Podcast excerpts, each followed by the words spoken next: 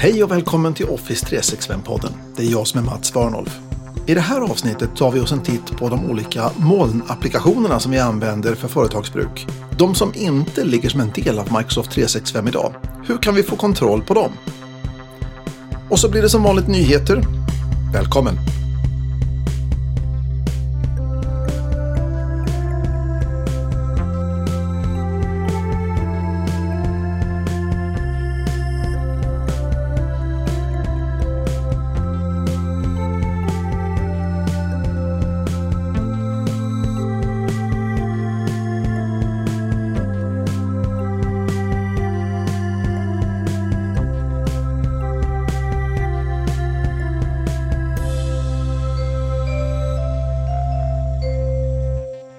Den som har flest molnappar när han dör vinner. Ja, det är kanske lite tillspetsat, men vi har ju fler appar än vad vi tror. Det är min uppfattning i alla fall. När jag besöker mina kunder och ska försöka hjälpa dem att få kontroll på alla de här molnapparna som används, då dyker det ofta upp många fler appar än vad man tror. Om jag bara tittar på mina egna appar, appar som jag använder. Eh, Microsoft 365 förstås, eh, Clipchamp för att redigera video. Jag använder mig av Airtable som är en databas för att, att planera mina poddavsnitt. Jag använder mig av Podbean för att publicera mina poddavsnitt. Så använder jag mig av Actitime för att registrera och redovisa tid. Jag använder mig av Fortnox för att bokföra och fakturera och så vidare. Och det här är ju appar som i grund och botten är en slags öar där ute. De är isolerade från omvärlden. Så hur får vi då ordning på dem? Ja, det första jag måste göra är ju då att hitta dem. Jag måste inventera. Och det kan jag göra på olika sätt. Jag kan naturligtvis gå runt till olika avdelningar eller business units eller bolag och så vidare och gå igenom process för process, vilka verktyg används och så vidare. Vilka, vilka verktyg är interna, vilka verktyg är externa.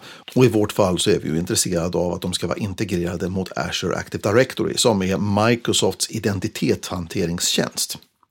När jag väl har fått en lista på applikationer, ja då måste jag ju naturligtvis titta då. Hur enkla är de att integrera?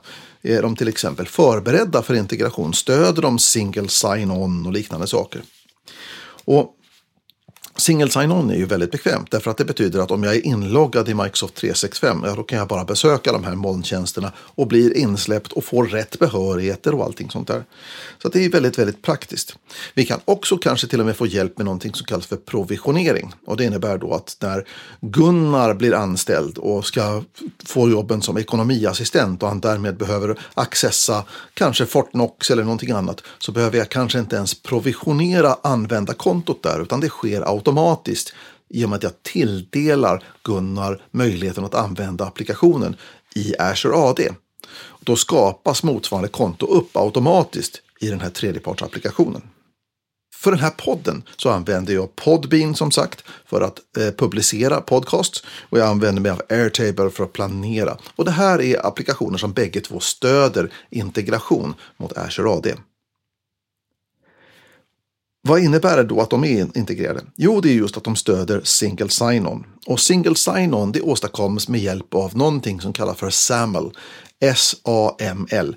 Det står för Security Assertion Markup Language och blir en slags kommunikation mellan tjänsteleverantören eller service providern i det här fallet då, eller våran identity provider, vårat Azure AD, vårat Active Directory där vi har våra användare. Så hur gör man rent praktiskt? Jo, man går till Azure Active Directory i, i sin Azure-portal och sen så går man till den sektionen som heter Enterprise Apps. Och sen kan man helt enkelt lägga till appar som finns där. Du kan söka efter applikationer som redan är förberedda för den här typen av integration och enkelt bara lägga till den.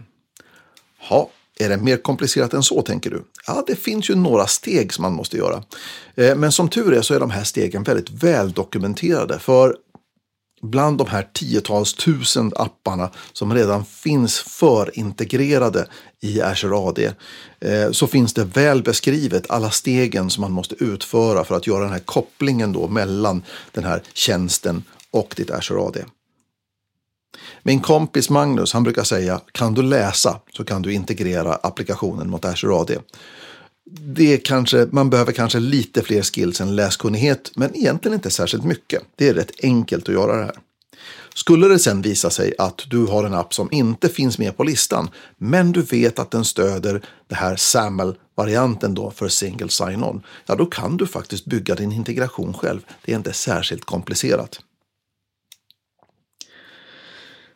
Vad gör man med appar som inte går att integrera då? Ja, antingen så får vi ju leva med det förstås. Att strunta i, okej, okay, vi kunde inte integrera den appen. Eller också kanske vi kan fundera på, finns det alternativ? Nummer ett, behöver jag ens använda den här applikationen? Vad fyller den för roll i mina processer? Och om den då fyller en viktig roll i mina processer, finns det alternativa appar som är integrerade som kan utföra samma uppgift? Kanske, kanske inte. Och finns det det naturligtvis, ja då kan jag ju använda mig av den. Och finns det inte ett alternativ, ja då får jag ju leva med att fortsätta använda den här icke-integrerade appen. Men vad är vinsterna bortom att vi kan integrera dem med Azure AD? Jo, det är ju att jag också får nytta av alla säkerhetsfunktionerna som finns i Microsoft 365. Jag har till exempel möjligheten att eh, skapa upp villkorsstyrd åtkomst för de här apparna. Där jag kan ställa sådana här frågor som att vilken dator sitter du med? Sitter du med en företagsdator eller en privat dator? Och fatta beslut huruvida du ska få till åtkomst till appen eller inte. Var befinner du dig rent geografiskt? Sitter du på ett kontor? Sitter du hemma? Sitter du på ett internetcafé i Thailand? Vart, vart är du någonstans? Eh, vi kan också göra realtidsanalys av sådana saker som risker. Att dina användaruppgifter är läckta kanske eh, och att vi borde byta lösenordet på ditt konto. Eller det kanske finns några egenheter med just den här inloggningen som gör att vi vill vara lite extra försiktiga. Då kan vi verifiera din identitet med en sån här multifaktor autentiseringsprompt eller vad det nu har. Så alla de här skyddsmekanismerna som vi har möjlighet att sätta upp i Microsoft 365, ja de är ju tillgängliga också för att skydda de här tredjepartsapplikationerna. Och det gör ju livet lite tryggare med att använda de här tredjepartsapparna. Vill jag verkligen gå in och styra, ja då kan vi ropa in vår kära vän Microsoft Defender för Cloud Apps. Och så kan jag skapa policies och saker. Eh, jag kan sätta upp eh, den här Defender för Cloud Apps som en slags proxy som jag surfar igenom för att göra saker och ting i den här molnappen. Och då kan jag sätta policies för vad som är okej okay att göra och vad som inte är okej okay att göra och så. Så jag har massor med fördelar. Så hela det här säkerhetsbatteriet som vi har i Microsoft 365, det är ju tillgängligt för mig när jag vill säkra upp de här applikationerna. Och bara det är ju en absolut supervinst. Så vad har vi nu lärt oss? Jo, att det går att ta ett bra grepp om molnapparna och att vi kan lösa det mesta faktiskt. Det går att styra upp. Men vi bör kanske ta det här i inkrementella steg. Antingen så går vi process för process eller avdelning för avdelning eller funktion för funktion och så vidare och betar oss sakta men säkert igenom de här apparna. Försök inte göra någon big bang där du ska göra allting på en gång. Det brukar sällan bli särskilt lyckat.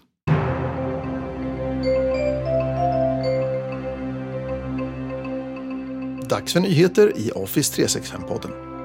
Inställningarna på loggan för SharePoint-sajter blir enklare att hantera. Och istället för att behöva gå till en massa olika ställen så hittar du snart sajtloggans inställningar på Ändra utseende-panelen tillsammans med de olika header-inställningarna på en SharePoint-sajt.